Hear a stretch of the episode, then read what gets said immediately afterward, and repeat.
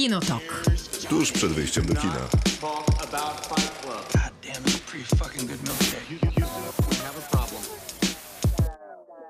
Krzysztof Majewski. Miłosława Bożek. Maciej Stasierski. Przez dwie godziny będziemy rozmawiać o filmach i serialach, będziemy rozmawiać o wstydzie i żenadzie, o hańbie i nieodpracowanych winach, które powoli będziemy odpracowywać, bo dzisiaj będzie lista wstydu. Trochę od końca Odkupienie. zaczynam. Tak, odkupienie. Trochę od końca zaczynam co w programie, bo to będzie gdzieś w drugiej godzinie. Bo przywykliśmy już do tego, że komplikujesz tą sprawę. A to prawda. No ale dobrze, no już skończę tę listę wstydu. Lista wstydu to jest nowy pomysł, to jest wina, ale też pomysł Maćka, więc żeby prawa autorskie trafiły do odpowiedniej osoby. A wymyślił tak, że będziemy przypominać sobie filmy, których nie będziemy sobie przypominać, ponieważ nigdy ich nie widzieliśmy, ale A trochę, powinniśmy. ale trochę głupio, że ich nie widzieliśmy. I Trochę tak głupio się przyznawać też, ale stwierdziliśmy, że będziemy jednak to robić i odbierać sobie wiarygodność. No właśnie, no bo skoro już mówimy o filmach i serialach, no to nie mówimy o nich przez przypadek, głównie dlatego, że obejrzeliśmy ich dużo i chcielibyśmy się podzielić tym, co w życiu dobrym zobaczyliśmy i ewentualnie przerzucić te doświadczenia wcześniejsze na filmy, które są aktualnie w kinach i, no nie wiem, może jakoś taką mnogością doświadczeń coś więcej o nich powiedzieć. Ale myślę, że No ale okazuje się, że niektórych kultowych filmów, no jakby się nie udało. Koronawirus trochę na to wpłynął, bo ludzie mieli więcej czasu, żeby nadrabiać tak zwane klasyki. Mhm. I Nikt nagle nie się... zarabia klasyków. Mm, Właśnie o tym trochę jest rozmowa, że okazuje się, że są jakieś klasyki do nadrobienia, nawet jeżeli się jest krytykiem Tylko, filmowym. że koronawirusa już nie ma, więc a my dopiero zaczynamy je nadrabiać. Ale poprosiliśmy też y, różnych ludzi z branży. Aktorów, aktorki, reżyserów, reżyserki, scenarzystów, scenarzystki, dyrektorów i dyrektorki festiwali, selekcjonerów i selekcjonerki i całe mnóstwo innych ludzi z szeroko pojętej branży filmowej, aby zaproponowali swoje listy wstydu i co oni na to. I Urszula Śniegowska, dyrektorka American Film Festivalu, napisała po tym, jak powiedziała, co to za film i wysłała stosowny dźwięk, bo dzisiaj Urszuli Śniegowskiej posłuchamy po godzinie 23, kiedy będzie się przyznawać do swojego filmu wstydu. Napisała też, że ten pomysł praktykuje teraz Guardian, więc chciałbym zaznaczyć, że Maciek nie wiedział o tym, ja o tym nie wiedziałem, Miłka też nie Nie wiedziała. czytam Guardiana. Za często. A już na pewno nie wtedy, kiedy mm, jest mowa o takiej grze, ale jest też ponoć taka zupełnie osobna gra, Upokorzenie z powieści Davida Lodge'a Chinninga, Places się nazywa ta powieść i ponoć właśnie w coś takiego tam grają profesorowie z kolei literatury, e, przerzucając się takimi tytułami, które powinny być wśród profesorów y, wyczytane wielokrotnie. No więc jakby uzasadnienie i, i taką tożsamość tej gry mamy nabudowaną chyba Można odpowiednio. powiedzieć, że to jest standard. Tak jest. Że Tak. w każdej branży po prostu każdy ma swoją taką małą, wstydliwą informację, że jakiegoś konkretnego, naj, jednego z ważniejszych tytułów nie no widział, ciekawe, nie czy to jest czytał. mała informacja, czy te nasze informacje nie będą jakieś śmierdzące zupełnie. Jak góra lodowa. Tak, dokładnie. Ładnie, ładnie. Dziękuję. To jest E, podpowiedź do Uli Śniegowskiej. Teraz to już jest, Teraz to już- jest odpowiedź. Teraz to już wszyscy wiedzą. Także okej. No To nie, to nie był 23. konkurs absurdalny. Nie był, to nie był, było znacznie łatwiej. Dobrze, to będzie później, a znacznie wcześniej, bo już za moment będziemy rozmawiać o serialu Space Force, A jeszcze wcześniej zrobimy polecajki, czyli o uwaga, których cyk, wiecznie zapominam. cyk, Czyli Nie cykl cykliczny, ale od ale który się niedawna. nazywa? W robocie. W robocie, dziękuję bardzo. a Space Force to się nazywa jak? Siły kosmiczne, O, dziękuję. I będziemy rozmawiać jeszcze o serialu Betty. tak. I będziemy rozmawiać o filmie jak... Zostać gangsterem. Zostałem gangsterem, A, historia prawdziwa. Kinotok. Film.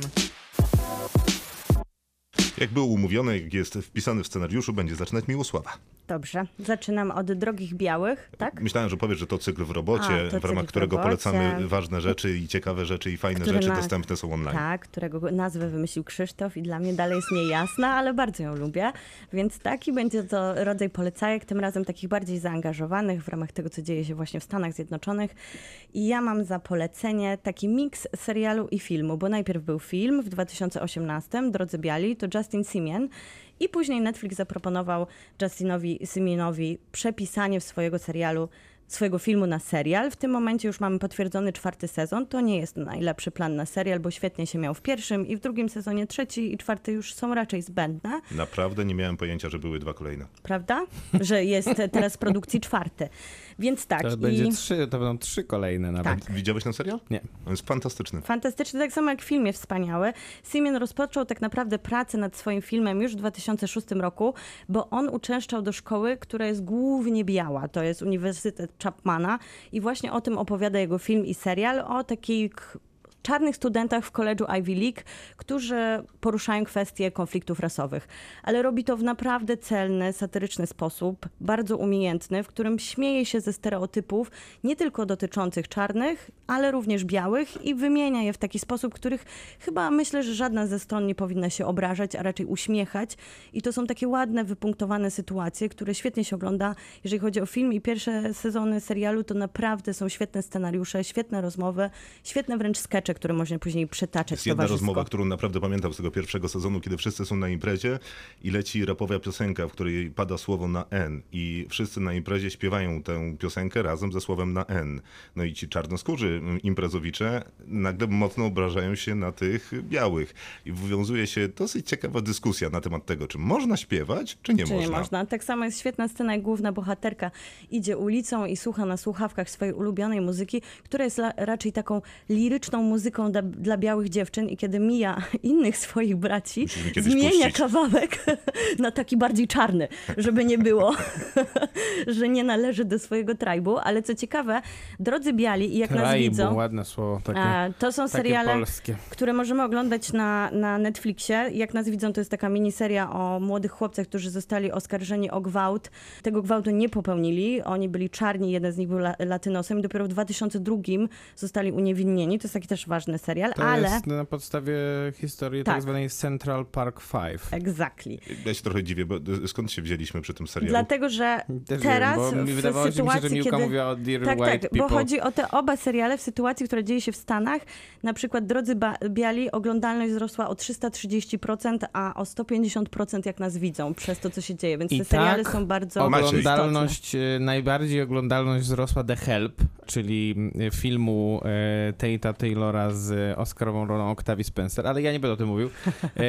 Gdyby ulica Bill miała, umiała mówić, czyli w drugi pełny metraż Barego Jenkinsa, czyli Moonlight. Oscarowego reżysera i scenarzysty Moonlight, który zresztą też dostał Oscara za najlepszy film. Znakomita Chociaż Krzysztof się oczywiście nie zgodzi, bo Krzysztof uważa, że jest to nudny y, film, y, którym nie ma chemii między bohaterami. Dokładnie tak uważam, ale za to bardzo ładnie nakręcony za świetną muzyką Wspaniale i kocham Moonlight. To są obydwa takie filmy, które tworzą dla mnie taką poetykę, którą, którą wytwarza właściwie Barry Jenkins. To jest takie bardzo jego kino, bardzo wrażliwe, ja tak, tak bym to nazwał. Tutaj Oscarowa rola z kolei Reginy King i film rzeczywiście, który się wyróżnia muzyką Nicolasa Brittela. I jeden z bardziej pominiętych filmów, jeśli chodzi o galę Oscarową w 2019 roku. No ja polecam ten film oczywiście w całej rozciągłości, zresztą też ze względu na parę głównych bohaterów, którzy wbrew temu, co Krzysztof by powiedział, mają bardzo dużo wspaniale rozwijającej się chemii na ekranie i jest to piękna historia miłosna między nimi. A nie mogłeś polecić Moonlightu po prostu? I wszyscy by się Nie. uśmiechali. Może byłoby za łatwo. Za Może. łatwo, za prosto To ja poszedłem totalnie na i to jest na. Netflixie, żeby nie było wątpliwości. Ja poszedłem totalnie na Nie, Netflix, przepraszam, to jest na HBO Go. więc już trzeci raz poszedłem totalnie na łatwiznę E, i poszedłem e, e, drogą Jordana Pila, który jest reżyserem fantastycznym z paru powodów. Po pierwsze przekonał mnie do horrorów po raz wtóry, bo jak byłem młodym człowiekiem to bardzo lubiłem, później bardzo długo nie lubiłem, a później zaczęła się nowa fala horrorów, którą jednoznacznie kojarzy się, znaczy ja kojarzę z Jordanem Pilem, a zwłaszcza z jego filmem Uciekaj, czyli pierwszym filmem, za który dostał Oscara. Film kosztował 4,5 miliona dolarów, y, ostatecznie zarobił 225 milionów y, dolarów, więc ta przebitka jest dosyć poważna, świetna inwestycja, Jordan Peele w razie czego.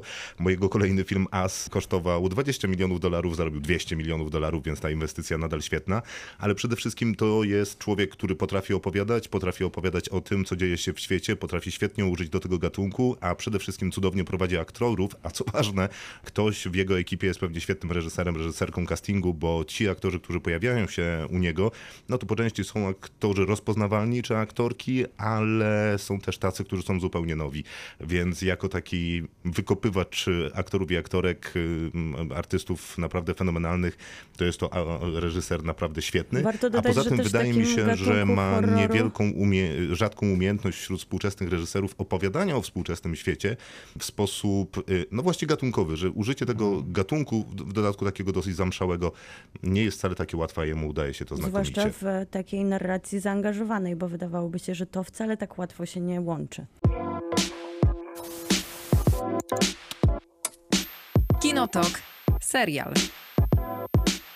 To teraz będzie o Space Force. Greg Daniels to twórca no już kultowego The Office i Park and Recreation, ale też Simpsonów, bo pisał tam odcinki, czy King of the Hill, to jest taka animacja.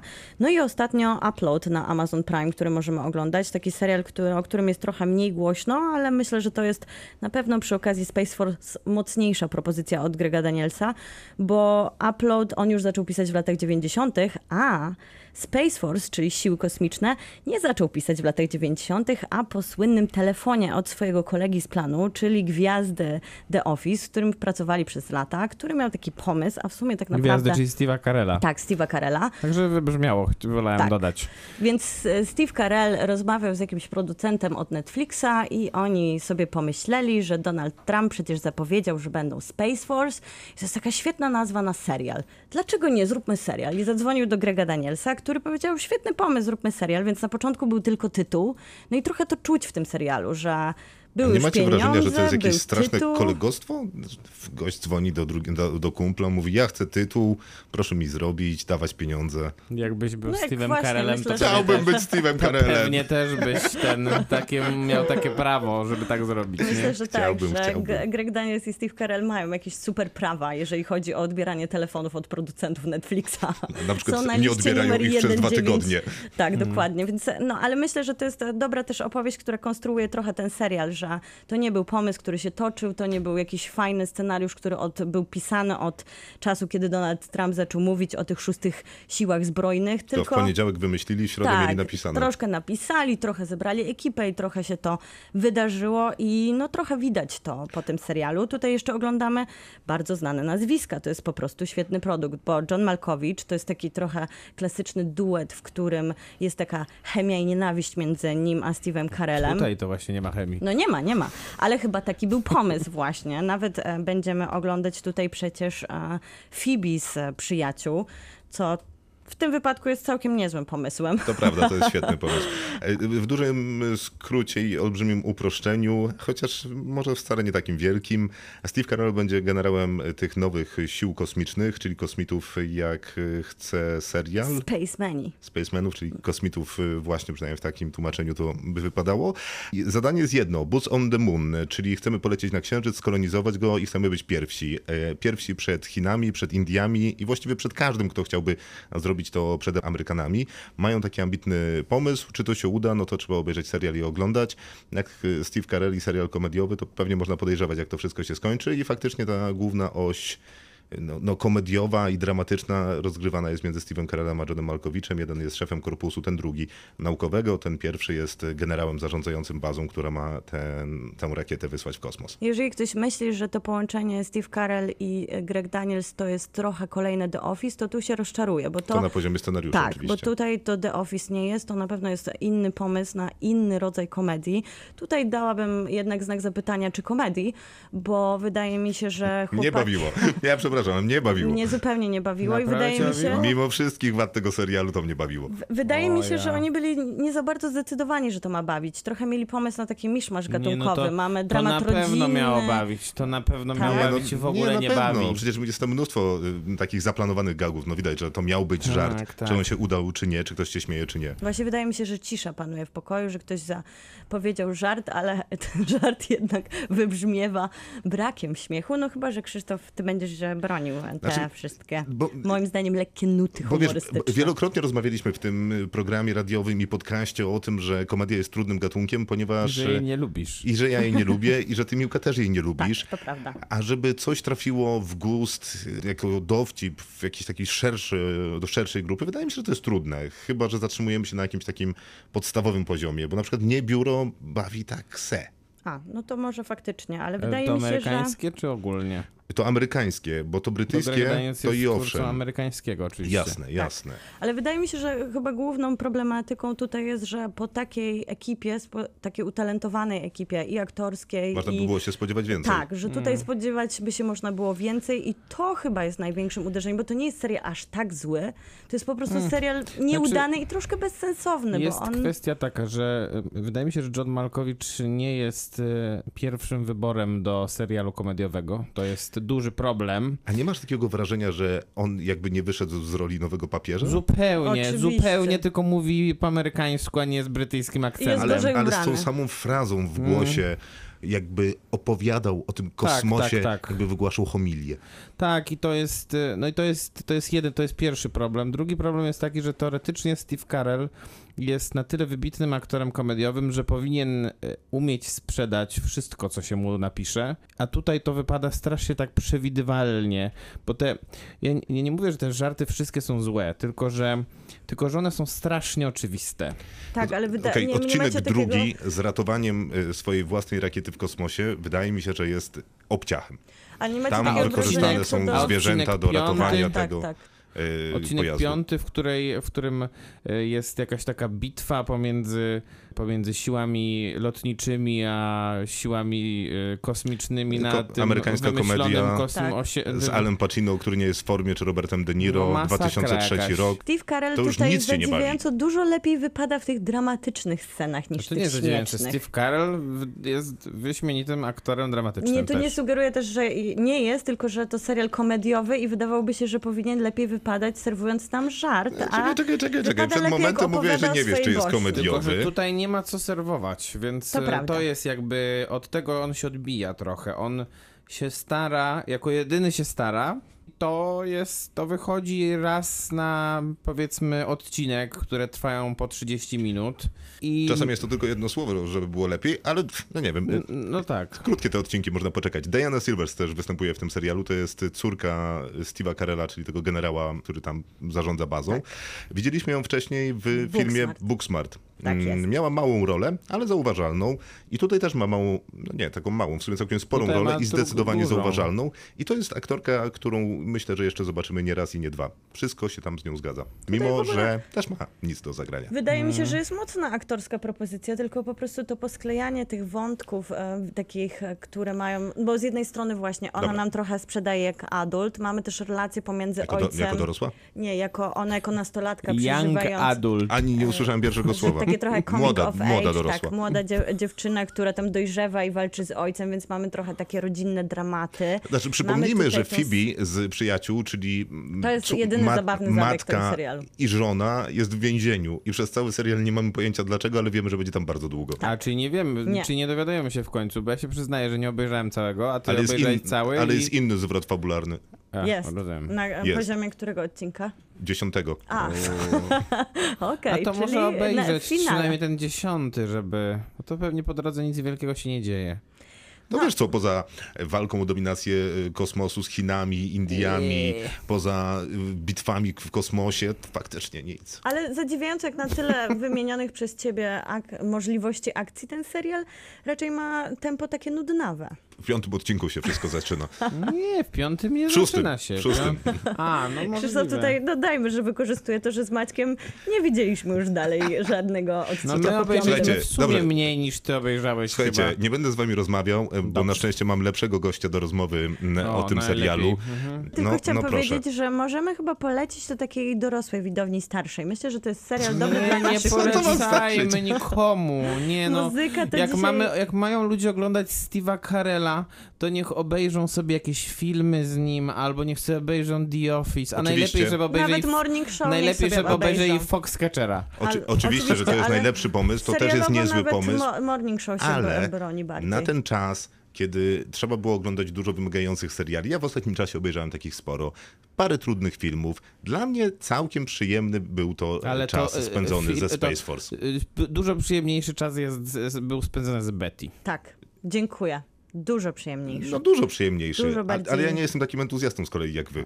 No, rozumiem. To, Chętnie smu- się to podzieliliśmy smutne. na grupy. To Jest smutne. ogień. No to przy, przykro mi, że cię zasmucam, później cię przytulę. Płaczę, płaczę. A Możesz teraz Instytut Astronomiczny. Uniwersytetu Wrocławskiego, dr Paweł Preś rozmawiał z Maćkiem Przestalskim właśnie o tym serialu. Krótko panowie rozmawiali, ale na szczęście mamy, Audycji Futuram sobotni. ale na szczęście mamy specjalistę, który nam powie, jak to z tym serialem jest. Nie oglądałem. A właśnie. A oglądam wciąż i akurat muszę powiedzieć, że owszem, słyszę negatywne uwagi na temat tego serialu, ale ja uważam, że jest znakomity. Bo tam jest podjętych parę ciekawych tematów, to na pewno. Bardzo dużo tematów, to jest bardzo y, to teraz będziemy już o, o kulturze trochę mówić. Według mnie to jest bardzo szeroki zakres tego, co jest pokazane i spraw społecznych, i spraw badawczych. Jest oczywiście, jak u Karela, główna część to jest po prostu prześmiewczość, typu no rzucamy się, z, y, jakbyśmy my to powiedzieli po polsku, z motyką na słońce, tak naprawdę. Natomiast pod względem tego zakresu tematów społecznych i mi się ten serial naprawdę podoba. Warto w każdym razie wiedzieć, że jest to absolutnie, jeśli chodzi o ten zakres badań kosmicznych, to jest bardzo prześmiewcze. Doktor Paweł Preś z Instytutu Astronomicznego Uniwersytetu Wrocławskiego. Słuchajcie, wygrałem tę rozmowę na temat e, sił kosmicznych i Space Masz wsparcie Force'u. pana doktora. Mam wsparcie autorytetu na naukowego. Wy nie macie e, niestety już prawa głosu i absolutnie nic do powiedzenia. Nauka z wami wygrała. No to- Nauka. To zawsze tak jest.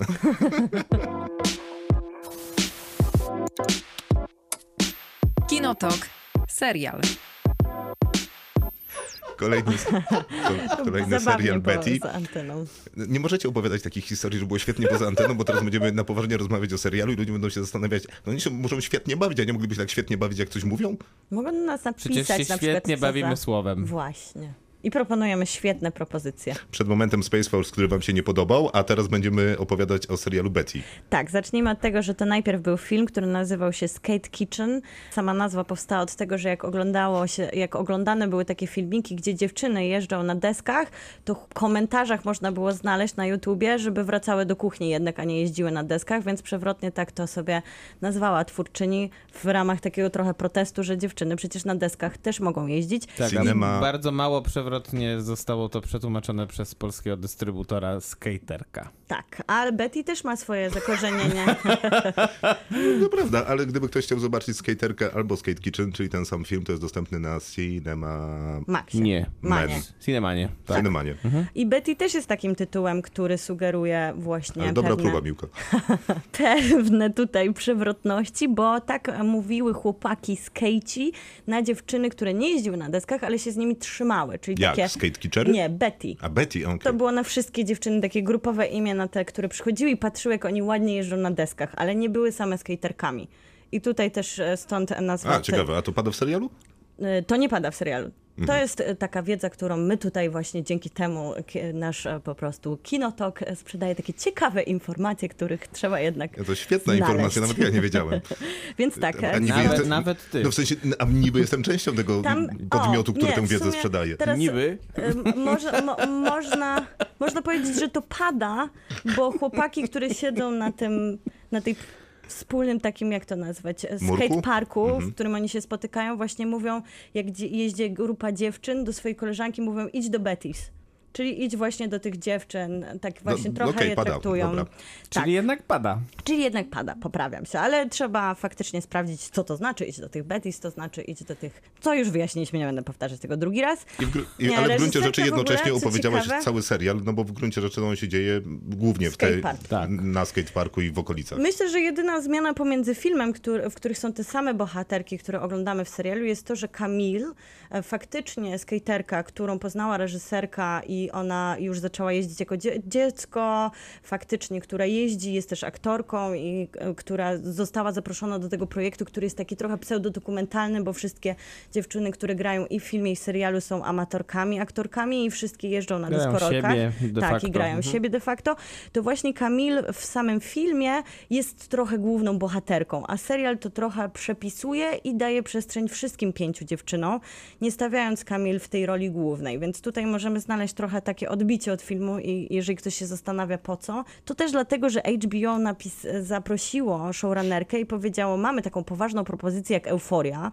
która jest o narkotykach, o molestowaniu, o raczej samych problematycznych kwestiach dojrzewania i chcielibyśmy dać naszym widzom coś dużo przyjemniejszego, lżejszego, co pokaże, że Ale jednocześnie nadal opowiadacie tak, o molestowaniu, o Tak. prześladowaniu, tak, o... dokładnie. O wszystkich tych e, ważnych tematach, które współcześnie, ale seriale nie tylko okazuje się zawsze dotyczyły nastolatków prawdopodobnie, ale teraz się jej porusza Ale ba- teraz się o tym mówi. Tak, bardzo to jest modny nurt, e, zwłaszcza w serialach Young Adult i Coming of Age, żeby pokazywać, jak wiele problematycznych kwestii leży w byciu nastolatkiem. Betty to pokazuje najlżej z ostatnich propozycji, jakie telewizja nam proponuje, bo nawet jeżeli są poruszane takie poważne tematy, to są trochę traktowane, myślę, że jak przez wiele nastolatek i nastolatków, czyli one są dla nich poważne, ale też później najważniejsze jest, żeby wieczorem się spotkać, może coś zapalić, pojechać na desce i być tego w grupie. słucha, na pewno się z tobą nie zgadza, bo jest nastolatkiem, ma do tego święte prawo. Teraz nastolatki się zajmują maturą, To prawda.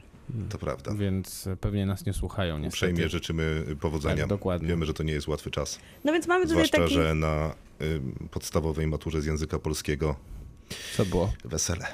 To nie, to, to, to niełatwy czas Nie, rzeczywiście. to jest trudny czas. No to Betty, słuchajcie, myślę, że jest też w tej propozycji takie miłe, bo tych natur, naturszczyków, o których mówiliśmy tutaj z Maćkiem, naprawdę widać w taki autentyczny sposób. Ja te dziewczyny biorę takie, jakie są i wydaje mi się, że to jest trochę pokazanie tego, czego na naszych ulicach nie ma. Pewnie jest tylko na ulicach Nowego Jorku. No wiele jest bo tylko tylko na- Nowy Jork jest taki super. Wiele jest rzeczy na ulicach Nowego Jorku, które są super, których nie ma. Tutaj pewnie jest też parę rzeczy, które są nie super, których tutaj nie ma. Ale to, czego mi brakowało w tej sześcioodcinkowej opowieści, to trochę opowieści.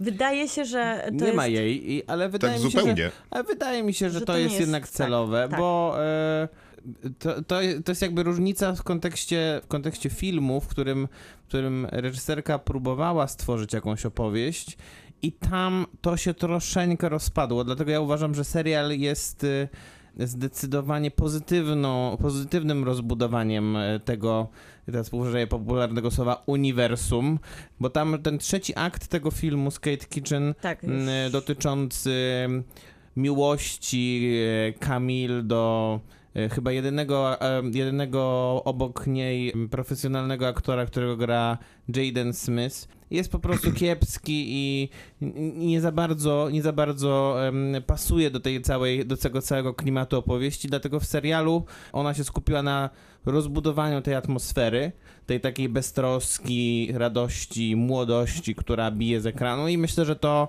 e, robi temu serialowi na plus. Że to jest jego siła, że jest taki, trochę wydaje mi się, że to jest fenomen paru takich seriali, zwłaszcza które HBO nam proponuje, na przykład High Maintenance, e, który w ogóle, to jest wspaniały, to jest mój ukochany serial, E, tutaj jest cameo w finale Betty, pojawia się bohater z High Maintenance, I to jest właśnie Camillo. e, że się pojawia, Tak, tak. A, że to, to jest, tak, to jest właśnie cameo, że się pojawia.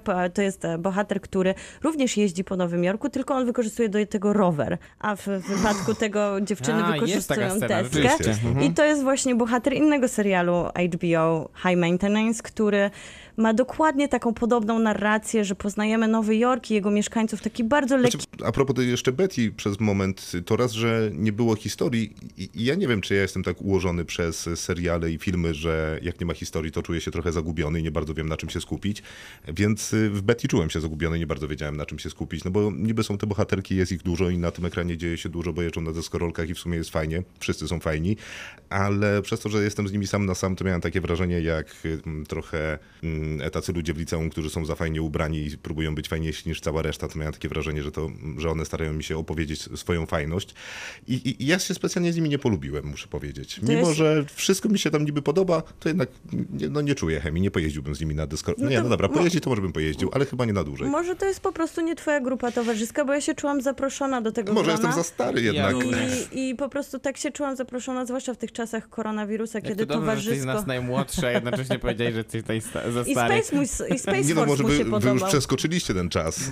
My już jesteśmy w, kry... My już jesteśmy kryzysie w kryzysie wieku. wieku średniego, Tak, tak, tak. dokładnie. Mhm. Maciek, y, powiedz, jaką kupiłeś deskorolkę? E, Ostatnio, no taką w tęczowe kolory. Ale to też, jest, to, Raczej. to też jest ciekawe, że ta deskorolka jest trochę pretekstowa, w sensie to nie miałoby takiego dużego znaczenia, czy to by był rower, czy deskorolka, ale ma. I wydaje mi się, że to też jest z perspektywy Podoba- polskie. Podoba mi się ten zwrot jednak. Że z perspektywy Polski my tak naprawdę nigdy nie mieliśmy takiej mocnej subkultury skaterskiej. Jeżeli może, to już na pewno e, teraz nie jest taka widoczna. A poza tym A nie była Stanach- związana z deskorolkami, Tak. tylko raczej z noszeniem za dużych spodni, wydaje mi się, i bluz z kapturem. A w Stanach widzimy, że ta popkultura jest e, naprawdę prężna, bo widać ją w filmach, serialach i do dzisiaj ona się zawsze Taka była tam pojawia. moja analiza socjologiczna być może, więc przepraszam wszystkich w tym momencie, ale Znaczy nie, no bo jako zjawisko popkulturowe to pewnie nie, ale biorąc pod uwagę ile osób faktycznie jeździło na deskach, nawet po, y, na deskach po ulicach Wrocławia, no to chyba coś się dookoła tego zbudowało, tylko nie jestem pewien, czy tak się to mocno koreluje i łączy z e, na przykład polskim hip-hopem jeżdżenie Mm, na desce, bo mhm. może przez moment i owszem i z niektórymi artystami to tak, ale nie no, trwało to znowu. hip-hop jest jednak bardziej zaangażowany społecznie i taki Mhm. słaby przez to być może też. Znaczy to za- zależy na który hip-hop spojrzysz. Oczywiście, no tak, no nie, nie będę tutaj nie będę tutaj też udawał, że jestem znawcą. Ter- Bo teraz na deskorolce nigdy nie jeździłeś, więc Ani gdyby ktoś, polskiego, takiego blokerskiego raczej też nie słuchałem. gdyby ktoś chciał sprawdzić jak robię Oli, to zapraszam. To jest skakanie na desce. Myślę, że A, okej, przepraszam, bo zupełnie co innego pomyślałem. Kinotok. Film. No to teraz faktycznie będzie film, film, który był już w kinach i poradził sobie w nich świetnie. Nazywa się Jak zostałem gangsterem. milion widzów Historia zobaczyło. prawdziwa, przepraszam Maćku. Bardzo, bardzo dziękuję.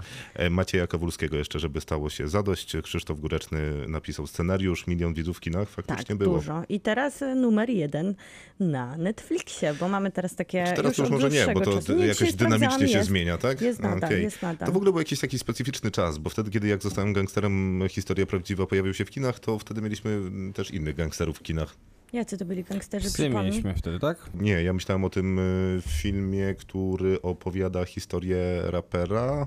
Któryś... Proceder. A, Proceder, proceder. tak jest. Tak, można było pomylić nawet chyba plakaty trochę. E, Tak, bo plakaty y, bardzo podobne, natomiast proceder nie poradził sobie tak dobrze w box Nie. office, czyli tych wynikach sprzedażowych, jak y, historia Macieja Kawulskiego, I szybciej Myślę, że na chodzi o Netflixa tytuł. zresztą też. która zaczyna się tak, że narrator, który będzie mówił do nas bardzo Cały dużo, czas. bardzo On dużo, się w ogóle nazywa Bohater. tak, tak, mówi, że to, co wiemy o polskiej mafii, to jest w ogóle nic nie wiemy i że to, co Masa opisał w swojej książce, to to wszystko jest nieprawda. To jestem w stanie akurat uwierzyć. Nie, nie, no okej. Ale w to, że on nam powie prawdę, to ja już nie. Ale on mówi, okej.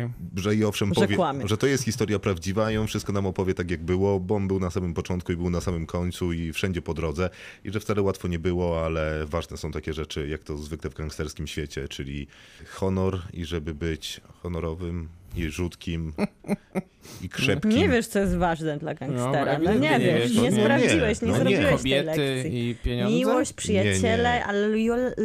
Lojalność? lojalność jest najważniejsza. Jola. Jola. Jola też. No, no. Lojalność jest Ale on najważniejsza. też używa takiego słowa, że ważne, żeby być krewkim. Tylko jakieś jest to inne słowo. Mnie on Zadziornym, zarzucił tymi informacjami na początku filmu, Na których się początku, pojawia bardzo w dużo. środku i na Na, końcu. I na końcu Mhm. dokładnie też. Ale- Marcin Kowalczyk go gra, żeby była jasność. Początek jest, e, to jest akcja w latach 70. i trochę nam to przypomina, na początku to nawet tak sprawnie wygląda. Trochę takich bogów tutaj mamy, takie Ale mrugnięcie oko realizacyjnie do... ten film jest bardzo dobry. To bardzo długo sprawnie wygląda. A później ten troszkę film, się kończy. Ten film się rozpada w trzecim akcie, moim zdaniem, bardzo Ale realizacyjnie mocno. to Nie, nie, nie realizacyjnie cierpi. nie, tylko że, tylko że, tylko że y, początek i też środek głów w sumie jest naprawdę taki, taki świeży, energetyczny. To jak, jak, się, jak się jakby się postawiło obok tego właśnie Psy 3 Władysława Pasikowskiego, to można byłoby się zastanawiać, kto jest Kręci. tutaj Mhm. bardziej doświadczonym mm, reżyserem z historią, lepiej. wizją, lepszym reżyserem po A prostu. Diablo wyścig o wszystko jakby się postawiło, to A, to, to to- jest w ogóle... albo- albo porównujmy, porównujmy filmy z filmami. Albo E, chociaż kto miał faktyczną kamerę i potrafił Tak. jej użyć.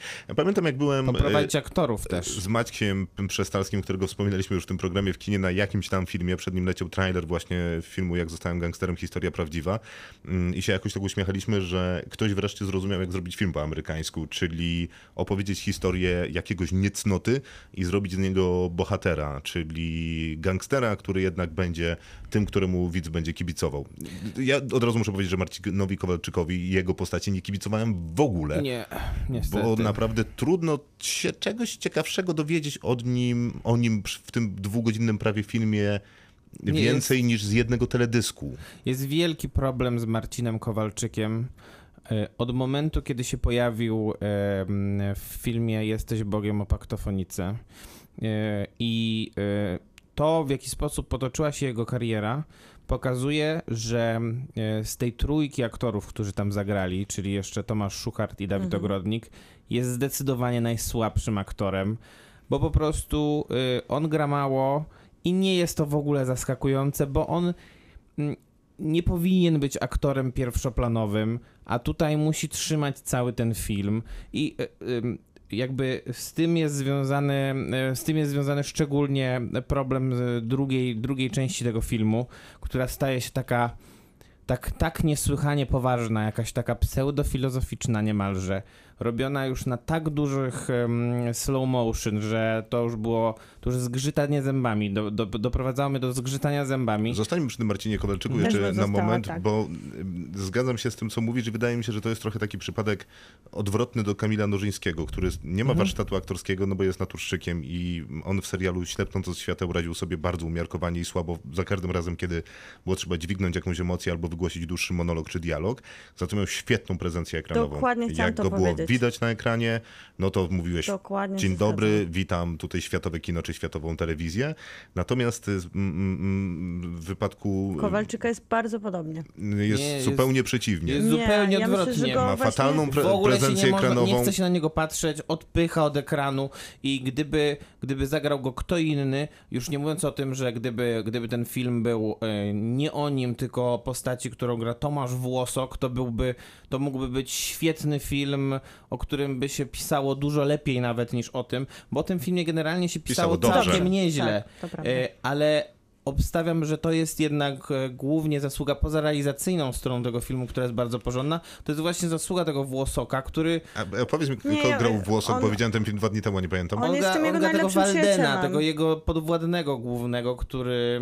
Ta e, ich oś tak, jasne, przyjacielska, jasne, tam jasne. też finał no znaczący, on ale jest, ja właśnie myślę, on że... jest jedyny, on, jeśli chodzi o aktorstwo, jest e, nie tylko jedynym zaskoczeniem pozytywnym, ale też wydaje mi się, że jedynym jasnym punktem tego filmu, no bo e, ciężko uznać, że jasnym punktem filmu jest Jan Frycz, który, Który gra ślepnąc na autopilocie. Ja mam wrażenie, że tak przychodzi, że on na z jednym... serialu na, do filmu. ta- nie, że on na jednym planie nagrywa wszystkie te swoje Ale role on na się- 4 lata Ale on, się do nie nazywał, ale on się nie nazywał Dario też w Ślepnąc od świateł? To nie jest ten sam gangster? Nie, on tutaj się nie nazywa Dario, tylko Daniel.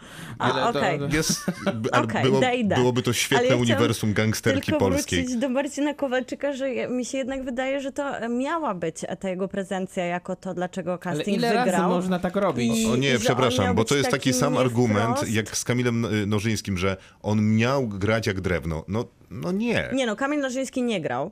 Jednak myślę, że Marcin e, Kowalczyk coś gra w porównaniu do Ślepnąc od świateł, ale, ale wydaje mi się, Nie no, że to miało idealny być jakoś... zes- idealną parę z Natalią Schroeder, która też nic nie gra i ona nie może grać, bo nie umie grać. A to jest I on- wytłumaczalne, jest piosenkarką, nie jest nawet aktorką, niespecjalnie tak. ma prawo. Natomiast on jest wyszkolonym Czy aktorem. Powinien cokolwiek z taką rolą zrobić. I tak jak mówię, no, gdyby zamienić tego aktora, to ten film byłby, byłby o wiele ciekawszy, o Ja myślę, wiele lepszy. Nie wiem, czy To żeby- mieliście takie mhm. wrażenie, że to jest jedna wielka playlista i jeden wielki teledysk. Tu każda scena jest, ko- komunikuje się z nami reżyser, bo sprawdziłam, za muzykę odpowiada sam reżyser i to chyba jest kwestią problematyczną, bo takie rzeczy należy rozdzielać. To I tak każda- jak Barbara Białowąs w Big Love. Przepraszam, yy, możesz kontynuuj. I każda scena po prostu jest komentowana przez ścieżkę dźwiękową. Wiesz co, w Strażnikach Galaktyki 2 też tak było. I Tam to się nawet, udało, tu się nie to, udało. Tam się też nie udało i tam nawet to była część dialogu. A tutaj A mnie to doprowadzało do nie wiem, szału czy mnie to jakoś tak bardzo w bolało. oglądać W sensie to jest filmu. oczywiście był patologiczny pomysł na to, żeby opowiadać epokę, że będziemy jechać polonezem, a później zagramy piosenkę z roku, w którym akurat Tak, no jest to pokazujemy w filmie. jest to strasznie oczywiste, tak. Ale żeby to było znowu jakieś Nawet- takie straszliwie potwornie bolesne, Jest to ja wiem. jedna z tych Lepiej, żeby, lepiej żeby, scen. drwia- by grała ta muzyka, niż żeby Maciej Kowa- Marcin Kowalczyk opowiadał z OFU historię. Dobra, opowiadanie z Ofy jest najgorsze, Znaczy i ale tak to robi. E, Tak, no ale b- można byłoby go zagłuszyć większą jeszcze ilością muzyki prawdopodobnie. to ten dobór łopatologiczny kawałków, na przykład kiedy jest jedna z finałowych scen, gdzie nasz bohater, bo tak się przecież nazywa główny bohater, ucieka i w, w tym momencie słuchamy Mobiego i to jest Mobi nas przenosi gdzieś na plażę, ale my jesteśmy w centrum jakiejś gangsterskiej No, ale oczywiście, rozgrywki. no przecież y, y, Nicolas Cage kradnie przykre. Mustanga w 60 sekundach. Nie, to jest bardziej korzystanie z tego, co ostatnio się Nie? dzieje Tam też był filmowo, Mobi. ale zupełnie w innych filmach, jeżeli chodzi o takie operowanie muzyką bardziej teledyskową Ale nie niż może, w filmie ale gangsterskim. Nie, nie, Miłka, no nie. nie możesz Ja- narzekać na akurat tę Ja się czułam, jakbym techniczną... naprawdę siedziała z stronę playlistą filmu z i tam- ostatnich 40 lat. No, mo, no ale Nie ma. trochę taki był pomysł na przecież opowiadanie te, tego filmu tą muzyką, który być może jest Nieudany. oczywiście prosty, ale znowu taki No a to w zły. jaki, no to w jaki sposób są, jest, jest opowiada, są opowiadani bogowie, czy, czy najlepszy taki przez sposób, Łukasza gry- Jest bardzo podobny nie przecież. gryzie się ta muzyka ze sceną, naturalnie A tworzy tu się tło. gryzie? No nie, tutaj, no tutaj jest po prostu, tutaj ona jest może bardziej oczywiście dobrana, ale wydaje mi się, że jakoś tam się nie gryzie. Natomiast, no nie wiem, nie A ma... Nie ma Kapitan Marvel, jak nie ma co śpiewa się- Sinead O'Connor I'm a Woman, kiedy ona tak, no tam, zyskuje swoje tamto, siły. Tamto, to tamto muzyka jest w sposób, to, tamto muzyka jest najbardziej łopatologicznie chyba dobrana, jak się da. Tak, ale obrazuje to się. Tutaj ta muzyka wychodzi na pierwsze tło. Nie widzę tych scen, tylko słyszę takie narzucające się kawałki. No Może nie wiem, no to- no no widziałam. może Po masz takie prostu wrażenie. Dla bo, mnie bo wydaje mi się, że y, było... y, akurat, akurat tego, że te, nie, nie, można, nie można temu filmowi zarzucić to że, tego, że nie widzi się scen, bo jednak w Polsce czasem bywa realizacyjnie różnie z filmami. Tutaj zdjęcia robi niejaki Bartosz Cierlica. Są to naprawdę bardzo porządne zdjęcia. Bardzo. Naprawdę Zgadzam się. w bardzo hollywoodzkim, ale w pozytywnym tego znaczenia słow, stylu e, te zdjęcia są tutaj zrobione. To w ogóle od jakiegoś czasu się robi y, w polskim kinie, co mi się w gruncie rzeczy bardzo podoba, czyli opowiadanie epoki takimi skrótami myślowymi. Zresztą Tak.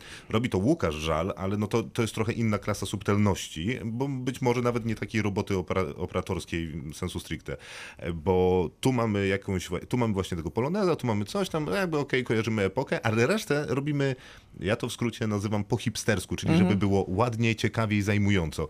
Oni tak trochę kręcą ten film. Serial Royst też był takim Serial świetnym Royce jest przykładem doskonałym tego, przykładem, jak że- świetnie można się zabawić Czyli tą na konwencją przykład PRL-u. każde takie modne, współcześnie hipsterskie w tym sensie Dokładnie. mieszkanie to jest mieszkanie z Roysta, czyli niby mieszkanie z PRL-u. Dokładnie. No i to jest bardzo y, ciekawy sposób opowiadania historii, ale ja chciałem jeszcze wrócić do tego mo mo motywu, o którym ty często mówisz y, w kontekście amerykańskich filmów, że oni tworzą ze swoich takich najgorszych zakapiorów największych bohaterów. No i tak było na przykład z filmem Catch Me If You Can, Mhm. a gdzie Leonardo DiCaprio m, Czy z oszu- Wilkiem z Wall oszu- Street. oszukiwał, kradł Również. i, i, i, i tak dalej, a ostatecznie robią... y, Kochamy tym, go. Mhm. Tak, no kochamy go, no bo trudno, Tak. nie? A jeszcze Tom Hanks strzela piękną, modeli. piękną przemowę i wszystko się zgadza. No i jak zostałem gangsterem, robi dokładnie to. Mówi, zostań gangsterem. Żyje się fajnie, y, mnóstwo świetnych dziewczyn, jeśli ci na tym zależy, to tam są, y, dużo pieniędzy, no w zasadzie No to tym bardziej piękne należy, życie, lojalność przyjaciela. to tym bardziej należało temu filmowi y, się lepsza obsada, jeśli chodzi o aktora głównego. Bo jakby, bo jakbyśmy dostali aktora, który. No będę się upierał, że gdybyśmy dostali aktora, który ma jakąkolwiek charyzmę, no to moglibyśmy mówić właśnie o tego typu, o, o, tego, o tego typu zmianie moralności, tak? Czyli, czyli sytuacji, w której nie powinniśmy lubić człowieka i nagle łączy nas z, nimi, z nim jakaś więź emocjonalna, a tutaj przez Ale to, że jednak- Marcin Kowalczyk stawia taką ścianę, to nie robimy tego. Ja nie mam takiego problemu z Kowalczykiem, jak jednak do tej Ale moralności my nie mamy takiej, tutaj... takiego problemu z muzyką, a ja z kolei ale to mam jak największy problem z lektorem, no i mamy trzy wielkie nie, problemy. No tak, to prawda, ale z lektorem to chyba każdy z nas ma. Do tej moralności jednak dostajemy tę zaskakującą niby końcówkę, która ma pokazać, że to wszystko to jednak fiasko. Ja do końca mam, pro, ja mam troszkę problem z tą końcówką, taki No, scenariuszowy, cię, no to- że jestem zagubiona, jakie decyzje podjął nasz bohater Mhm. główny pomiędzy tym, jak uciekał, a nagle tam, gdzie się No znalazł. Ale to o, o, końcówka jest ci opowiedziana przez, Przez niego samego też, bohatera, e, tak. W bardzo patologiczny sposób. To jest akurat nie najlepszy zabieg, że reżyser lubi w taki sposób postawić kropkę nad i w, taki, w takim sensie, że mm, nie wiem, kartka, na której stawia tą kropkę nad i jest przedziurawiona na pół.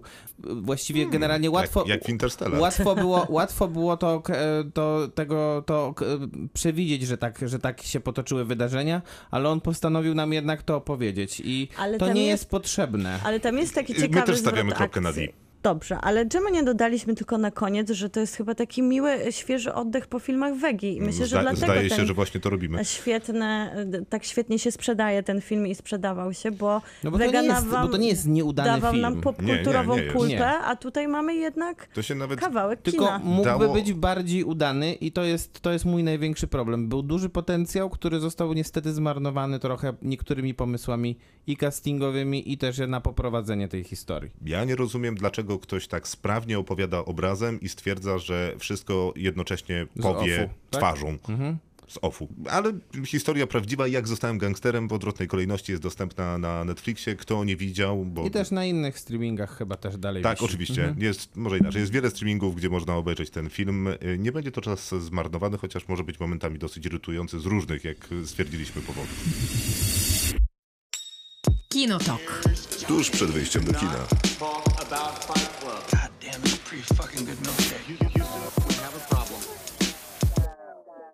Z wielką przyjemnością ogłaszamy nowy cykl w Kinotoku w Radiu RAM na To mamy zawsze jakieś 89,8 cykle FM. Ale to znaczy, że jak nazywasz to cyklem, to znaczy, że będziemy musieli to powtarzać.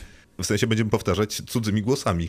Tak, dokładnie, no bo A my raz na czas, a my raz na jakiś Się czas też się, też się do przyznamy błędu. do czegoś jeszcze. bo ja taką listę y, mam dłuższą, no na przykład ten twórca, Ja mam strasznie długą. o którym dzisiaj będę opowiadał, to jest mój drugi jego film, zrobił ich ze 40, z 20 na pewno warto obejrzeć. Ale to, nie ale wiem, to czy chyba, aż tyle. Czy to są te faktyczne listy wstydu, bo mi się wydawało, że to muszą być takie super znane tytuły, a nie po prostu kawałek ważnego kina. No ale to y, wydaje mi się, że te, które Nie chcą wybraliśmy, zdradzać twojego szczególnie twórcy, ten, myślę, który ty wybrałaś, 40 no ja jest wybrałam. super znany. Ja wybrałam taki, jak należy się wstydzić, taki, że Za- nie mówi się o nim w towarzystwie. Zaraz powiemy o tych Dlatego filmach, które my wybraliśmy i do których będziemy się przyznawać, że nie widzieliśmy i że trochę wstyd i zupełnie głupio. Y, Ale też, no dobra, to może faktycznie zaraz. Zacznijmy od Uli Śniegowskiej, czyli dyrektorki American Film Festivalu, który w tym roku połączony z Nowymi Horyzontami odbędzie się na początku listopada. Mamy bardzo Kibicujemy. głęboką nadzieję, kibicu- kibicujemy, bo American Film Festival jest wspaniałym festiwalem filmowym dla wszystkich, którzy byli, no to oni doskonale o tym wiedzą, dla wszystkich, którzy nie byli, to zapraszamy, żeby się zmierzyć, bo doświadczenie filmowe jest naprawdę najwyższych lotów. A, Roma- a Nowe Horyzonty to też jest wspaniały festiwal, Wspaniały, żebyś nie oba, deprecjonował oba tego tak wspaniałe bardzo. festiwale. Wczoraj Roman Gutek obchodził urodziny, pozdrawiamy też Romana Gutka. Wszystkiego najlepszego. 100 lat dobrego kina. To to co? Lista wstydu. Będziemy się starać, żeby co tydzień pojawił się jeden głos osoby z branży, która mówi o filmie, który pewnie powinna zobaczyć, no i się jakoś nie złożyło. Urszula Śniegowska, dyrektorka American Film Festivalu.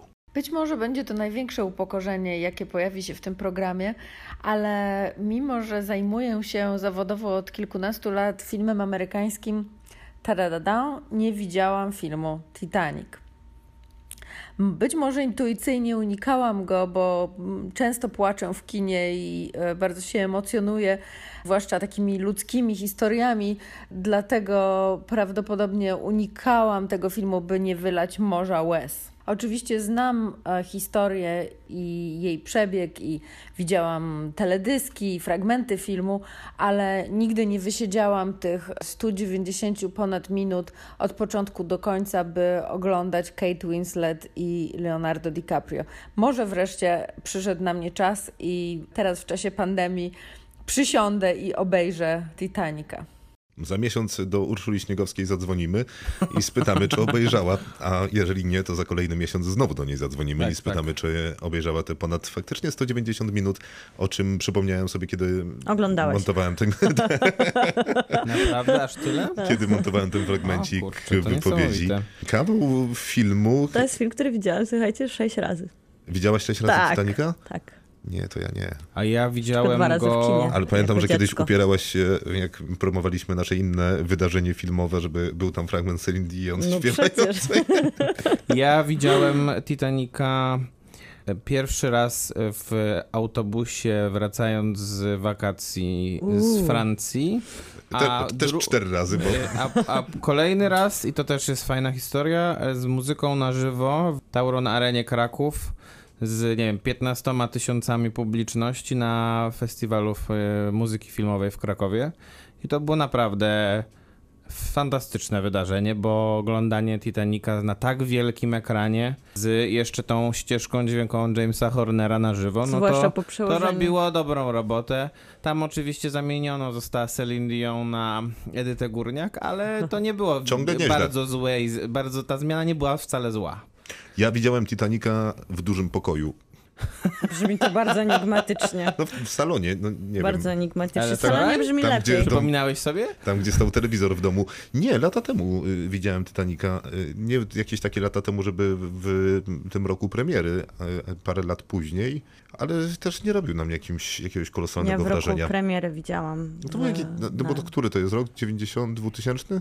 Nie, 97. 97. No to ja wtedy oglądałem Matrixa.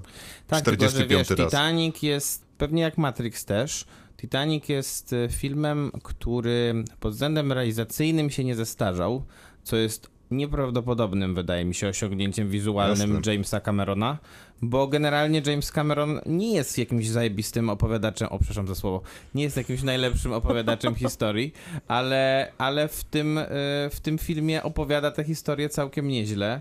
A poza tym no, tworzy historia, ona efekty specjalne takie, tworzy, tworzy opowieść filmową przy okazji e, realizowania swojej pasji. Dobra, ale przecież ale wszyscy też wiedzą, że zmieściliby się na tych drzwiach, a my dalej o tym No rozmawiamy. właśnie, to jest para Nie, bo te drzwi, która te drzwi wykreowała... prawdopodobnie by zatonęły. Dobrze, która y, Miłka, o jakim wykreowała- filmie nam opowiesz? No ja będę miała naprawdę wstydliwy film, bo to będzie Człowiek z blizną.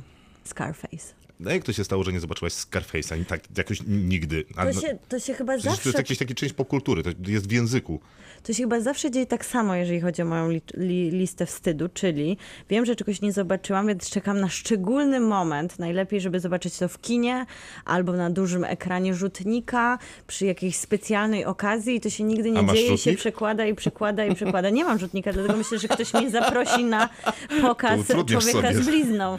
Ale właśnie to, to I, i, I co, zobaczyłaś na rzutniku? nie zobaczyłam na e, bardzo dużym telewizorze ze świetnym nagłośnieniem i to właśnie ten czas koronawirusa i kwarantanny sprawił, że mogłam w końcu powiedzieć sobie wprost, że nie ma co czekać na kino i rzutnik. Tylko po prostu trzeba usiąść i odrobić zadanie, i to było więcej niż e, człowiek z blizną, ale na początek więcej takich wstydliwych rzeczy, które należało odrobić, ale człowiek z blizną był pierwszy na liście, więc też jako pierwszego z listy go ujawniam. Maciek, język na wodzu już?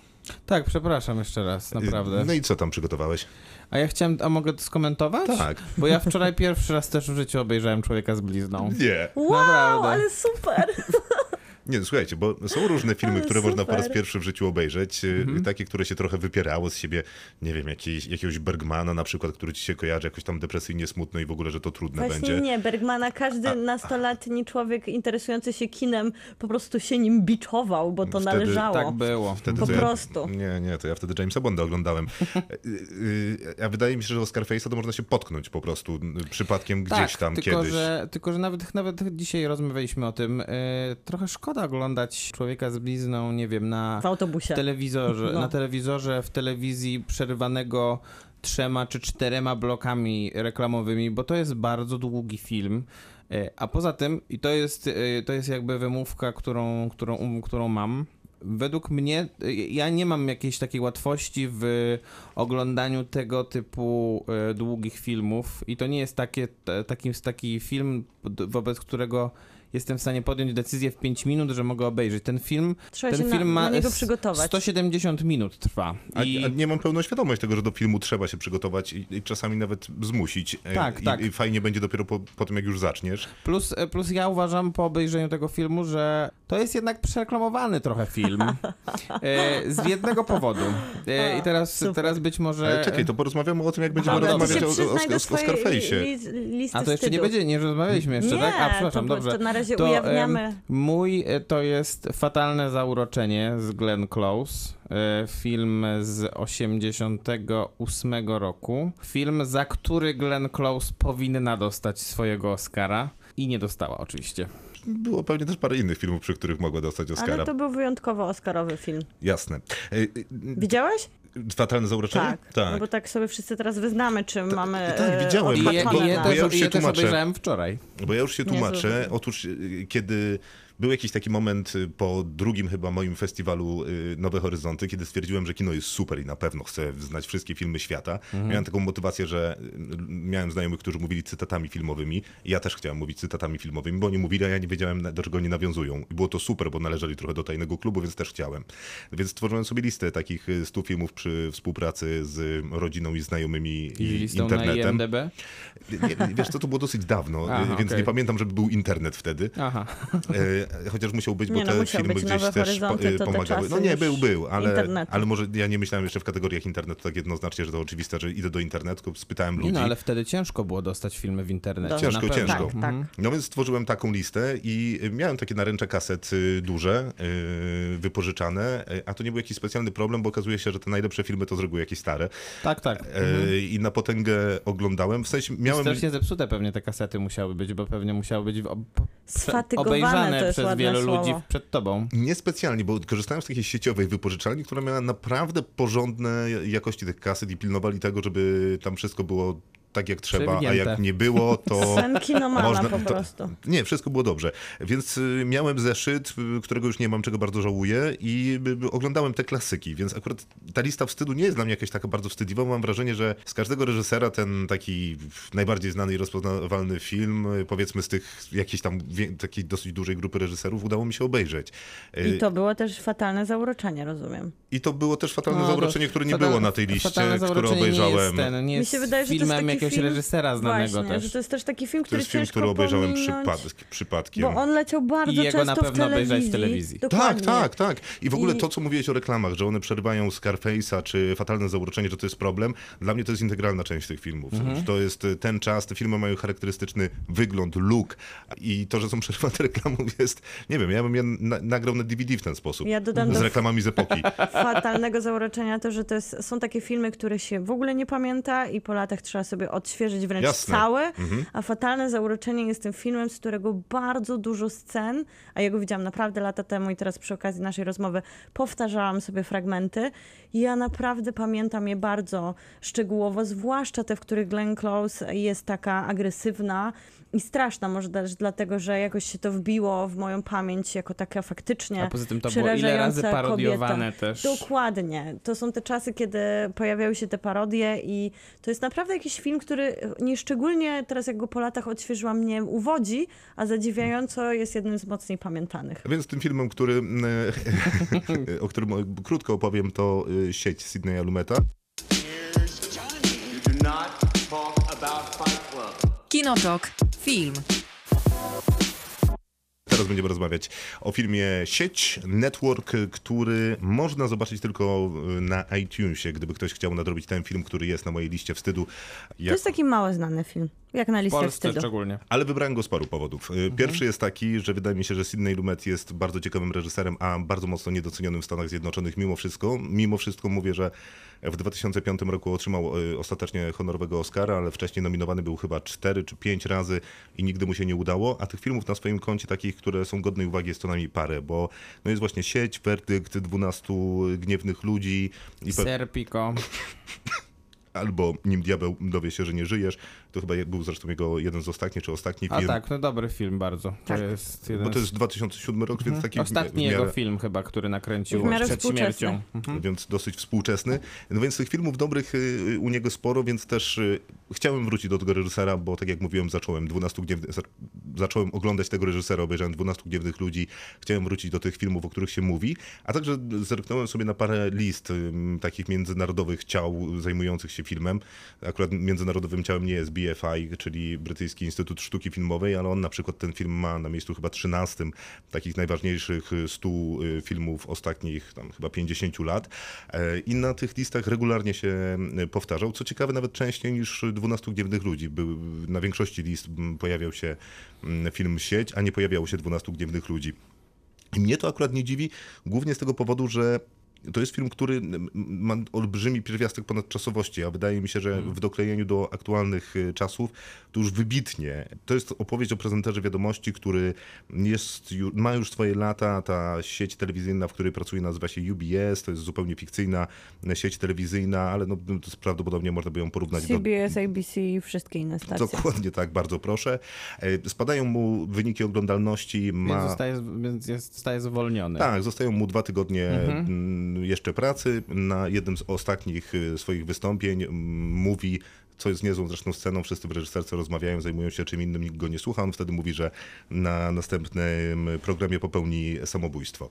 No i y, nagle skaczą wyniki oglądalności tej stacji, wszyscy zachwyceni, ale no, główny bohater musi odejść, ponieważ no jak to może tak być, że tego rodzaju rzeczy, takie słowa padają w telewizji i on staje się takim mad prophet, e, szalonym prorokiem, który w telewizji przemawia za sprawą mm, zresztą nagrodzonej Oscarem Faye Dunaway, e, która jest taką producentką e, Głosem nowej twarzy telewizji. tak, tak, ale takim, mm, taką ohydną twarzą. Taką, tak, taką ohydną. Mhm. Że to taki już Taką rynsztok cyniczną. zupełny, że cokolwiek powiemy w tej telewizji, nieważne w zasadzie, co powiemy, Tylko mamy nastawione Liczą te się słupki. liczby, tak. słupki, słupki, słupki. No i generalnie jak to przełożymy na jakąś tam współczesność i nasz obraz wszystko. y, telewizji, no to prawdopodobnie właśnie o to chodzi. No to nieźle pokazywała telewizja Fox przy okazji serialu niesamowicie głośno, e, więc ta ponadczasowość działa tutaj na pewno. Y, Świetnie można to porównać, y, co mnie dosyć bawiło, z Jokerem. To jest, tam jest Toda bardzo Phillipsa, dużo, tak. ale tylko, że jest zupełnie inaczej, bo te słowa i nawołanie do rewolucji Jokera zostało przyjęte jako ciekawa myśl do y, podjęcia dyskusji. Natomiast y, kiedy Howard Bale krzyczy I'm mad as hell and I'm not going to take this anymore razem e, z całym miastem, bo on to krzyczy w kamerę, ludzie otwierają okna i krzyczą to razem z nim, no to Lumet raczej starał się wyśmiać telewizję i y, y, proroka tej telewizji jako pewną fałszywą narrację i fałszywą wartość, no a Joker sprzedaje dokładnie to samo, takie nawołanie do rewolucji, Tylko e, całkowicie na poważnie. tylko Tak, całkowicie na poważnie i jako I faktyczną promujące, zachętę. promujące Jako- takie zachowania. Jako, Niemalże, że mhm. jakby establishment jest winny wszystkim y, problemom świata, więc wyjdźmy na ulicę i zróbmy tę rewolucję, przywróćmy e, tę karuzelę do góry nogami. E, I to jest ciekawe doświadczenie, bo film jest z 74 roku. Aktorzy grają zupełnie inaczej, to jest inny sposób mówienia, ten angielski jest nawet inny, ta dykcja jest zupełnie inna, znacznie bardziej y, postawiona, teatralna, mniej taka wyaktorzona w tym takim naturalnym sposobie mówienia, co jest akurat dosyć naturalne w filmie, który opowiada o dziennikarzach, e, który opowiada o telewizji i to zupełnie nie przeszkadza. Dlatego też wydaje mi się, że tutaj ten film na pewno na, y, nie traci na aktualności, jest ale też na jakości oglądania. E, Być może to, co mi przeszkadzało, to jakość dźwięku, która jest koszmarna. W wysokich rejestrach to strasznie skrzypi, ale tak, myśl się zgadza to, jak ten film wygląda, jak jest kadrowany, jakie są pomysły na ujęcia, żeby pokazywać chociażby te momenty, w których szalony prorok przemawia, no, naprawdę wydaje mi się, że to jest fantastyczna robota z poziomu takiej operatorki. No współczesnej może nie, bo we współczesnej mhm. operatorce mm. mielibyśmy 200 więcej cięć, kamera waży jedną dwudziestą tego, co kamera w 70 latach, no więc po prostu można fizycznie więcej z nią zrobić, chociaż z drugiej strony kamery IMAXowe nadal ważą tyle, co te w latach 70. A już teraz chyba nie. E, od kiedy, y, od 1970 17, od kiedy te nowe kamery mhm. się pojawiły, no chyba już nie, no ale jeszcze parę lat temu tak. To ja mogę tylko wtrącić jedną rzecz? Bo... Ja mam ostatnie zdanie. Tak. Wydaje mi się, że film jest naprawdę świetny, e, aktualny, na pewno się nie da na nim znudzić i, i, i jest to solidne kino. Na pewno nie czuć, że to jest 76 rok. To właśnie z tym się nie zgadzam. W sensie to jest mhm. jedyna, mhm. moja, jedyna moja uwaga wobec tego filmu, który uważam, że... Yy jest bardzo dobrze zagrany rzeczywiście, szczególnie przez tych trzech, przez tą trójkę głównych aktorów, czyli Petera Fincha, Williama Holdena i Faye Dunaway, która... Dwoje z nich nagrodzone Oscarami. tak, Finch i Faye Dunaway za role główne e, i jeszcze dostał tutaj, dostała tutaj Oscara Beatrice Straight za bardzo krótką rolę drugoplanową kobiecą. Powiedzmy, że wyrazistą. Tak, Ja natomiast, dał. natomiast y, y, no dla mnie to jest jednak y, anachroniczne podejście do po, op- opowiadania filmu i ja po prostu troszeczkę poczułem, że jak oglądałem ten film parę lat temu, że to jest jednak już stary film. Ale Ja wiesz co, ja mnie zaskakiwały takie rzeczy, jak na przykład tam w dwóch jakby wątkach czasowych jest opowiadana historia, co też znowu nie jest takie częste w filmach jeszcze z lat 70., że jakby w, jednej, w jednym ujęciu ktoś coś mówi, jest cięcie, w drugim się wydarzają inne rzeczy. No raczej ta struktura y, opowieści była bardziej linearna. Słuchajcie, gramy, bo Bardzo, nie zdążymy opowiedzieć tylko o waszych jeden, filmach. e, komentarz, że b- dla mnie w ogóle ta narracja, po prostu ta treść była na Zjada tyle współczesna, że nie odczułam Na tego. mój. Jedyne co, mi, jedyne, co mi przypominało, że to jest e, starszy film, to to, że główny bohater był nazywany przez mo- swoją młodą kochankę mężczyzną w średnim wieku. Kinotok. Film. Fatalne Zauroczenie, Yeah. czyli ym, film e, Adriana Laina, reżysera, który... Którego nikt nie Właśnie zna. nie nikt, nie zna i który po tym filmie nie zrobił już nic ciekawego, tak generalnie rzecz ujmując. E, To czemu i- wybrałeś ten film? Wybrałem ten film, bo em, ja e, jestem bardzo dużym fanem Glenn Close i uważam, że jest to aktorka, która e, już dawno, tak jak powiedziałem zresztą wcześniej, powinna być, powinna zostać nagrodzona Oscarem. I to jest jedna z dwóch ról, za którą rzeczywiście tego Oscara powinna była dostać. Druga to według mnie e, Niebezpieczne Związki Stevena Frearsa, gdzie być może zagra jeszcze lepszą rolę, chociaż ta rola mm, e, jest bardzo ciekawa, bo ten, ten thriller w bardzo starym stylu zrobiony i teraz już trochę chyba nie, przecho- nie, nie, nie, utrzy- nie przechodzący tej próby czasu. Jest ciekawą propozycją z tego powodu, że ta jej postać, która teoretycznie jest e, negatywnym bohaterem, ona jest negatywną bohaterką tego filmu, jest to strasznie zniuansowana jednak postać em, i przez to w jaki sposób jest, e, jest skonstruowany scenariusz tego filmu, to tak naprawdę negatywnego bohatera gra tutaj Michael Douglas, który jest prawnikiem, który e, podczas weekendu, w którym e, kiedy Wydaje jego- się z nią w romans. jego żona wyjeżdża gdzieś na wieś, wydaje się w nią, z nią romans i ona obsesyjnie niemalże się w nim zakochuje, tak? I tego, powo- od tego czasu prześladuje go, jego rodzinę, co doprowadza do bardzo takiego już przerysowanego, ale w sumie efektowanego, efektownego finału. To on jest tutaj tym wilenem, bo on nie rozumie jakby tego, dlaczego jego postawa jest tutaj, tak powiem, penalizowana. To znaczy, on myśli, że zrobił, że nie zrobił nic złego, a tak naprawdę z, zniszczył życie być może jednej i drugiej kobiecie, bo jego żona, którą gra Ann Archer, też jest przecież tutaj poszkodowana. Myślę, że za to y, to nie jest takie oczywiste podejście do, do sz- szczególnie do tworzenia postaci kobiecych, bo można było z postaci, którą, em, którą gra Glenn Close zrobić taką, Taką strasznie karykaturę zimną kobiety, karykaturę tak. kobiety, która po prostu się zakochuje w tym mężczyźnie i, i, wychodzi ta cała jej choroba psychiczna, a ona jednak jest do pewnego przynajmniej stopnia i do pewnego momentu w tym filmie dosyć mocno zniuansowana, co, em, co jest główną zasługą Glenn Close, bo ona jest po prostu tutaj wspaniała. A propos Faye Dunaway, z, czyli Diana z filmu Sieć, to 74 rok, super silna, super ciekawa Tak. postać kobieca, o czym nie wiem czemu nie powiedziałem. A twój film y, też byś do niego przyłożył ten argument, który przyłożyłeś do sieci, czyli że jest to jednak pewien anachronizm w Tak, sposobie myślę- narracji myślę, że- opowieści? myślę, bo że to jest y, zdecydowanie tak. zaledwie parę lat później. Tak, myślę, że zdecydowanie jest to, jest to też film, który, który tej próby czasu nie do końca, którą, który tę próbę czasu nie do końca przechodzi. Natomiast wciąż się go dobrze ogląda. Jest to kino takie na granicy popcornowości, wydaje mi się. Ale też jest bardzo ale jednak, ale jednak dotykające dosyć ciekawych problemów. No i zbudowane na aktorach, bo poza, poza tym, że Glenn Close jest tutaj fantastyczna, to też Ann Archer, która była też nominowana za swoją rolę do Oscara, tworzy tę, e, nie, nie tworzy jakiejś karykaturalnej postaci słabej, takiej apatycznej Przegranej żony, żony. przegranej, tylko, tylko też tworzy tutaj pełnokrwistą, silną kobietę i no i tylko ten Michael Douglas Ja tutaj bym nie go pasuje. broniła, tego Michaela Douglasa, że Tak? on jest taką idealną, taką idealną, cichą wodą, która brzegi rwierza, wychodzi z takiego, ma taką prezencję i wydaje się takim dobrym mężem i mężczyzną budzącym zaufanie, przez co tak naprawdę ogrywa i swoją żonę, i swoją kochankę, której e, na początku daje pewną obietnicę i trochę ją uwodzi i później cały czas jest taki wycofany, więc e, też to, ogóle dobrze... chyba był jakiś taki dobry czas dla thrillerów erotycznych, bo w tej dekadzie chyba jeszcze ze dwa jakieś Tak. e, takie mocne były. Nagi Instynkt to już lata 90. Też z Michaelem Douglasem. Też z Michaelem Dokładnie. Douglasem. Kinotok. Film.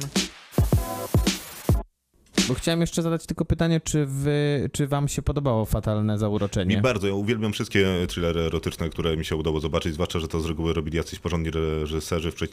Jedynym zaprzeczeniem jest fatalne zauroczenie, bo Ale reżyser- też był No zresztą nominowany do to. Oscara. Mi się bardzo podobało właśnie z perspektywy ujęcia tego, że to jest taka, taka sprawiedliwa sytuacja, bo wydawałoby się, że można byłoby iść na łatwiznę i pokazać tą kobietę w krzywym zwierciadle, a tam współczujemy jednak tej skrzywdzonej bohaterce, niezależnie od tego, że jest to stadium obłędu i ona no i jednak jest agresywną bohaterką. Fatalne zauroczenie jest do zobaczenia na Netflixie i na paru Tak. innych portalach Tak streamingowych, natomiast y, sieć, Podobnie jak Człowiek z blizną, o którym Dokładnie. Miłka za chwilę po, będzie mówić. a sieć można zobaczyć na iTunes. Było to koszmarne doświadczenie. Cze- Człowiek z blizną na ekrany trafił w 1932 roku tak naprawdę, bo to oryginalny Człowiek z blizną Howarda tylko, Hughesa. tylko powiem, że mamy 5,5 minuty. Dobrze, dobrze, ale ja to sobie przygotowałam, bo stwierdziłam, że to jest e, nie bez przyczyny moja lista wstydu i większość ludzi wie, o czym jest człowiek z blizną, więc po co opowiadać, że jest to taka podwalina charakterystycznych schematów kina gatunkowego, czyli gangsterskiego.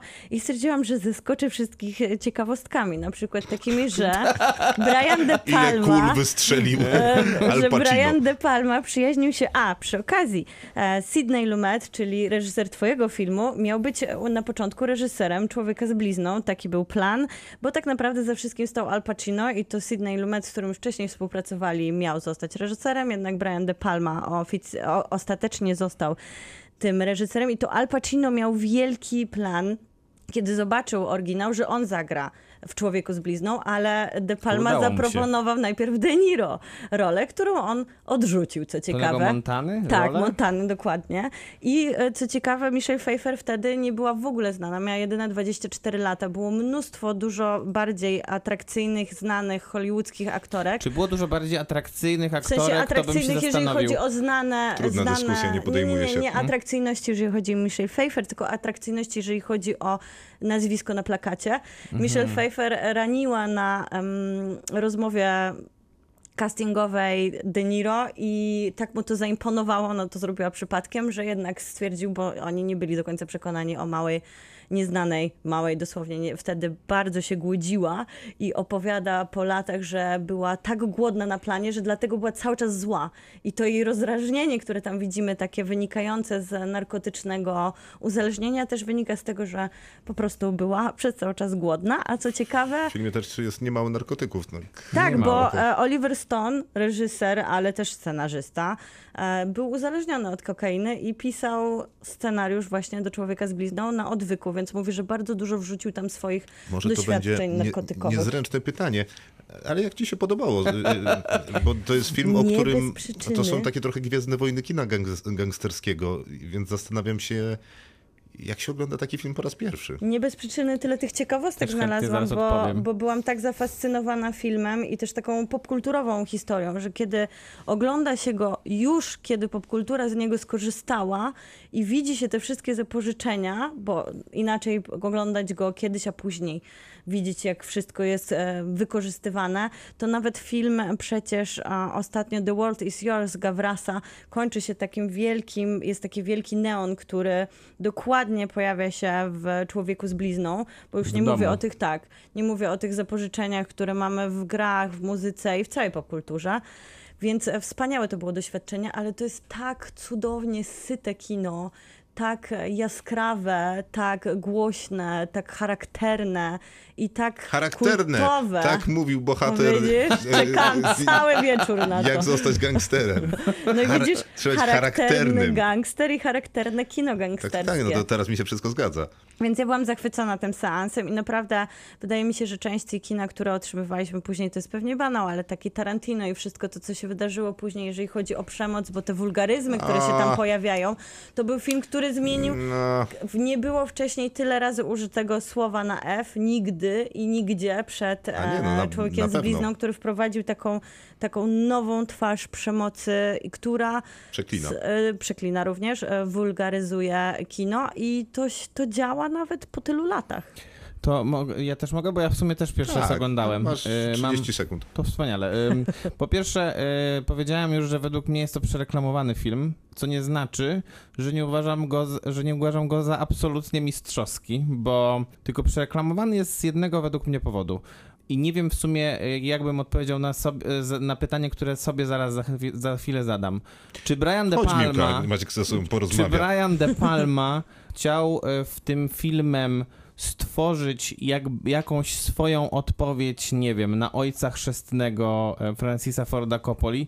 Bo jeżeli tak, to jest to absolutna, totalna porażka. W ogóle tego nie Natomiast, tego natomiast jest to też taki. To jest tak popcornowy, tak fantastycznie Idealny. rozrywkowy seans, że nie da się nie połykać po prostu On tego filmu w całości, bo nad- jest, bo jest naprawdę to seans, który jest Kompletny. zaraźliwy wręcz e, swoim tempem, tym jak Al Pacino Wizualnie gra, wygląda. tym jak na przykład pojawia się tutaj Robert Loggia, który opowiada suche żarty i śmieje się jako, śmieje się jako jedyny z nich, tym jak często tutaj Jedyny padają, padają te, padają em, przekleństwa, tym jak strzelają do siebie, wszystko jest tu zaraźliwe. Motywy Giorgio Morodera, którego, który też słuchaliśmy. Natomiast y, jeżeli to miała być jakakolwiek saga gangsterska, to jest to absolutnie nieudany film. To jest też film, który zaczął dla lat 80. tą, tą strefę, do której to strefę, to, to kino, do którego tak raz wracamy sentymentalnie i te uroki lat 80., jak właśnie to zachodzące słońce nad LA w takich kolorach po prostu wręcz jaskrawych, jak wszystkie kartki, które sobie można wyobrazić. Ta Michelle Pfeiffer w idealnie dobranych strojach i ten tygrysi krok Al Pacino, to jest po prostu, to jest to, co teraz się powtarza od No seriali tylko tutaj przez masz filmy. Miami, nie? Nie LA. Tu jest e, Miami, tak, ale Ale LA jest ciepło, e, zachodzi b- słońce. było, Wiadomo, tak. I starych ludzi dużo.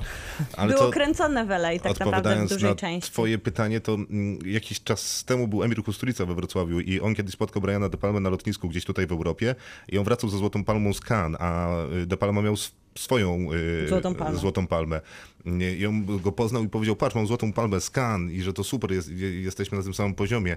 A on spytał, a kim ty jesteś? I Kusturica nie może mu tego wybaczyć do dzisiaj, o czym zresztą pisze w swojej książce, y, którą wydał chyba dwa lata temu. Krzysztof Majewski, Miłosława Bożek. Maciej Stasierski. to był Kinotok, bardzo serdecznie dziękujemy, liczymy na wasze listy wstydów. One będą wstydów czy wstydów, y, one będą powracać w miarę cyklicznie. Prosimy o subskrypcję na Spotify'u, jak zawsze. Tam będzie podcast dostępny jutro, czyli we wtorek, jak zawsze. Do usłyszenia. Kinotok. Tuż przed wyjściem do kina.